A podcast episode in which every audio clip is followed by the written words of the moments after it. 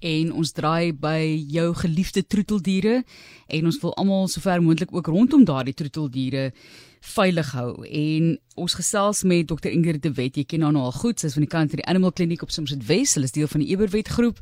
En sy het vir ons mooi uitgeleer ons fokus op honde en katte. En ek wil net gou vinnig vra Dr de Wet ek verwys toe nou na die geval waar die 3-jarige kind onlangs nou deur 'n hond doodgebyt is. En die hond het uitgekom. So dit was dalk op daardie stadium nou reeds 'n aggressiewe dier gewees die eienaar is nie by die huis nie en die persoon het nie seker gemaak dat daai hond nie kan uitkom nie. Mens wil nou nie die hond gaan staan en blameer nie. Ek dink 'n mens moet maar ook vir die eienaars verantwoordelik hou in daai scenario. Ja, absoluut. Die wet sê dat ons is maar verantwoordelik vir ons diere en hulle aksies. So dit is maar glad nie 'n lekker situasie nie, maar ons moet definitief verantwoordelik wees vir ons diere en seker maak hulle is veilig en die mense daar buite is ook veilig. So jy fokus op honde en katte. Kyk, 'n kat kan 'n mens nogal lelik bykom. 'n Mens dink ja. altyd ag, is maar net 'n bietjie krap hier en daar, maar hulle kan jou baie seer maak. So kom ons gesels oor hoekom beide vir jou. Ja, so ek dink katte, daar's baie misverstande oor honde en katte. Natuurlik kan honde baie meer skade doen veral as dit nou 'n groot ras hond is. Maar ek dink katte word bietjie afgeskeep en ons besef nie altyd as hulle nou bietjie krapperig of ehm um, ehm um, glad nie wil toelaat dat 'n mens van hulle vat nie en hulle byt en so dat eintlik daar's onderliggende redes en ons moet hulle aanspreek en hulle help daarmee. Goed, waar begin ons? Jy sê pyn is 'n probleem vir die mens self as iemand pyn het dat dit geweldig effek oor hoe hulle ander mense behandel, sekerlik dan 'n diere wat ook nie kan sê dit pyn nie. Ja, absoluut. So hierdie pyn is vir my die hoofrede vir aggressie in diere. Veral as dit nou 'n nuwe ding is of as jy nou ouer dier het, ehm um, baie keer sal ek hoor ag jy weet maar hy's net oud en en hy's maar nou 'n bietjie krampie en so, maar dis nie die geval nie. Baie keer as hulle aggressief raak, is daar pyn betrokke en dit kan in enige opsig ehm um, uit uitbeeld. So sien nou maar jy het twee honde in die huishouding en as die een naby aan die ander een kom, dan val die een ehm um, die ander een ehm um, aan en 'n mens weet nie altyd hoekom nie.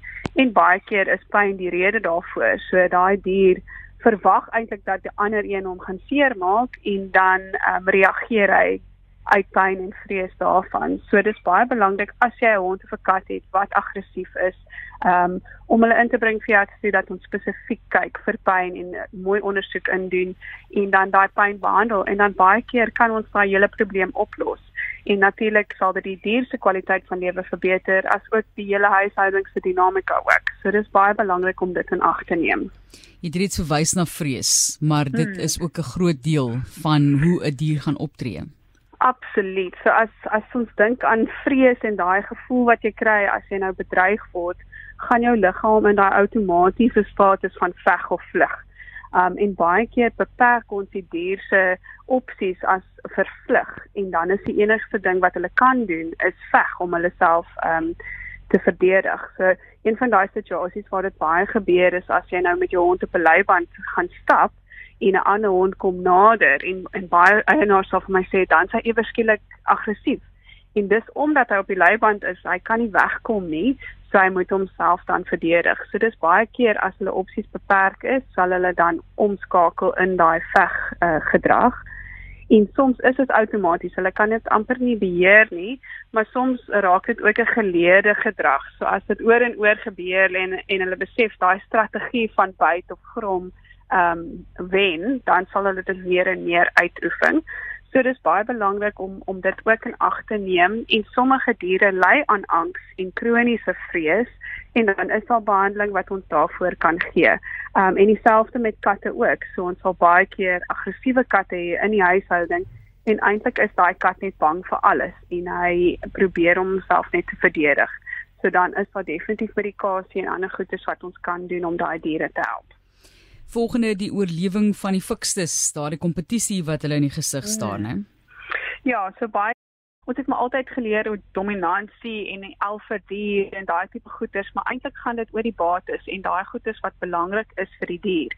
So hulle weet, hulle moet kos hê, hulle moet 'n veilige rusplek hê, speelgoed is vir hulle belangrik en dan as hulle vir daai resources amper moet ehm um, kompeteer, dan kry ons baie keer aggressie. So in my huishouding is dit altyd so ek het drie ehm um, reëns en hulle kom baie goed oor die weg maar as daar kos betrokke is sal die een altyd die ander aanval want hy is maar baie kos gedrewe.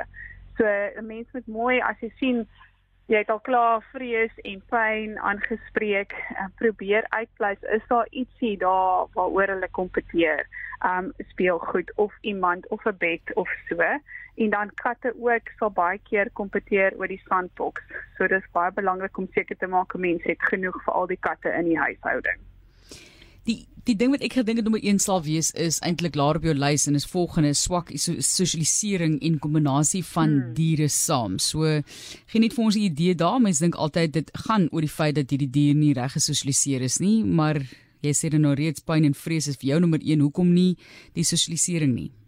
Ja, so sosialisering kan definitief ook lei na vrees toe. So is baie belangrik vir al vir honde dat hulle goed gesosialiseer is voordat hulle 16 weke oud is. So dis nogals baie jonk. Ehm um, so hulle moet blootgestel word aan ander mense, ander diere, ander situasies sodat hulle nie so die wêreld vrees nie. Ehm um, maar dit is ook belangrik dat, dat hulle dan lyfstaal van die ander diere kan leer en leer hoe om ander diere te respekteer. So dit dit dra definitief by na die ander redes ook. Ehm um, en die ander ding waar waar ons nou net genoem het is kombinasie van diere en en baie keer dink ons nie altyd so mooi daaraan nie. En dan sit jy 'n jaar of twee ehm um, later en dan sukkel jy. So een kombinasie wat ek so glad nie voorstel is twee teewe in dieselfde huishouding. So in die in die natuur met daai teef baie meer uh hulpbronne en daai tipe goed te kry om kleintjies groot te maak. So hulle sal baie meer kompeteer. So dis baie belangrik om dit nie te doen nie. En dan probeer om honde wat ehm um, lae aggressie drempels het, soos jou terriers, jou pitbulls, jou boerboele, probeer om nie daai kombinasie van ehm um, rasse te hê want dan vra mense soms vir probleme in die toekoms. Ek weet daar's baie wat goed oor die weg kom, maar daar is gevalle waar dit dan 'n probleem is. Goed lyftaal.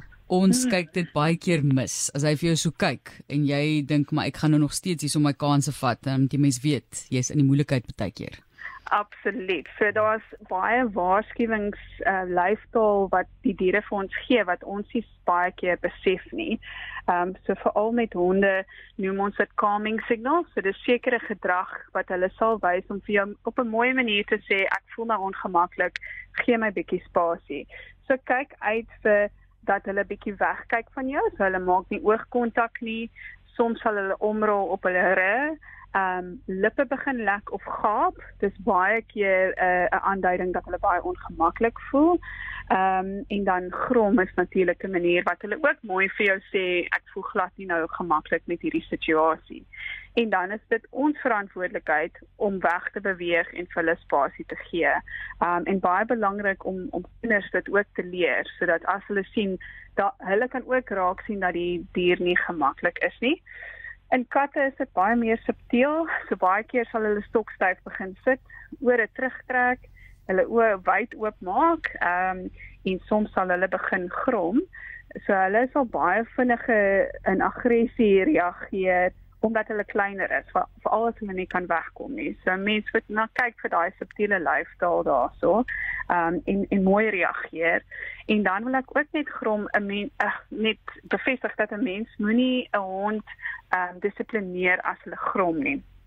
En ek weet baie keer sal ons sê ag nee, maar eintlik moet 'n mens luister na die grom en reageer daarop. Andersins sal die hond leer, hulle luister nie as ek grom nie en dan sal hulle dadelik byt. So mense moet altyd spasie gee as die hond grom. Uh, dis nou 'n mooi maniere wat hulle gebruik om vir ons te sê gee net bietjie bietjie plek. Ek, ek voel ongemaklik. Jy het nou eintlik daar vir ons die eerste en beste raad gegee, maar kom ons gesels nou oor hoe jy daai aggressie hanteer.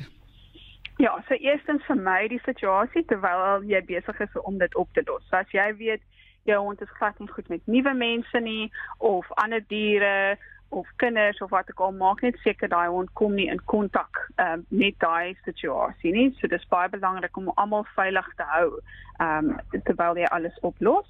En dan die tweede sta stap is om 'n veearts te besoek. So ons kyk vir pyn, ons kyk vir onderliggende issues, ons kyk vir angs en ons spreek dit aan. En dan veral met aggressie en veral met groot honde is dit baie belangrik om professionele hulp in te kry. Ehm um, so dit is nou nie 'n plek waar jy vakans wil neem nie. So maak seker jy vra jou veearts vir 'n verwysing na 'n behaviorist toe, iemand wat goed gekwalifiseer is en wat goeie ervaring het om jou te help daarmee. En baie keer is daar baie faktore in die huishouding wat dra daarbey. So hulle moet jou help om dit aan te spreek. En dan soms moet ons kyk na ander grootte en drastiese opsies. So as dit nou baie erge aggressie is en ehm um, hulle byte kind of 'n volwasse en dis 'n erge byt, soms moet 'n mens kyk na genade dood in sommige gevalle, net om almal veilig te hou. En as dit nou tussen diere is, soms moet ons kyk na nuwe huise vir daai diere. So dit is maar drasties, maar soms is dit maar 'n oplossing. Ehm um, maar baie keer kan ons ietsie uit uitwerk en ehm um, 'n baie goeie kwaliteit van lewe vir almal inbring. Belangrike punt daai, hier's nou 'n luisteraar wat dit klein bietjie rower stel, maar soos jy sê dit is 'n moeilike besluit. Lali van die Kaap wat sê, "Kan ek 'n stywer in die armbeurs gooi asseblief? Jy's altyd welkom."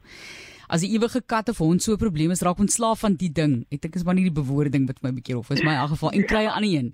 Moenie altyd wag tot die liewe dingetjie eers 'n kind doodbyt nie. Dit is uh, Lali se, kyk dit is nou rof gestel, maar die persoon het dalk 'n punt by. Daarsoom maar dit is ook 'n dier wat jy baie lief is vir, so dit maak dit moeilik dit maak dit moeilik, maar dit is ons verantwoordelikheid om seker te maak almal is veilig. En ek moet sê daar's bitter min gevalle wat ek dit sal voorstel, maar soms is dit die enigste opsie, ja.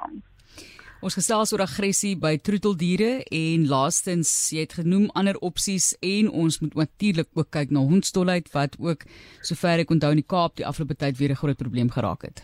Ja, absoluut. So as jou hond of kat nie ingeënt is nie en daar's ewe skielike verandering in gedrag en hy raak aggressief, dan hou dit maar net in jou agterkop dat dit dalk onstolik kan wees en dan bel dadelik jou veearts vir raad um, en hulp daarmee.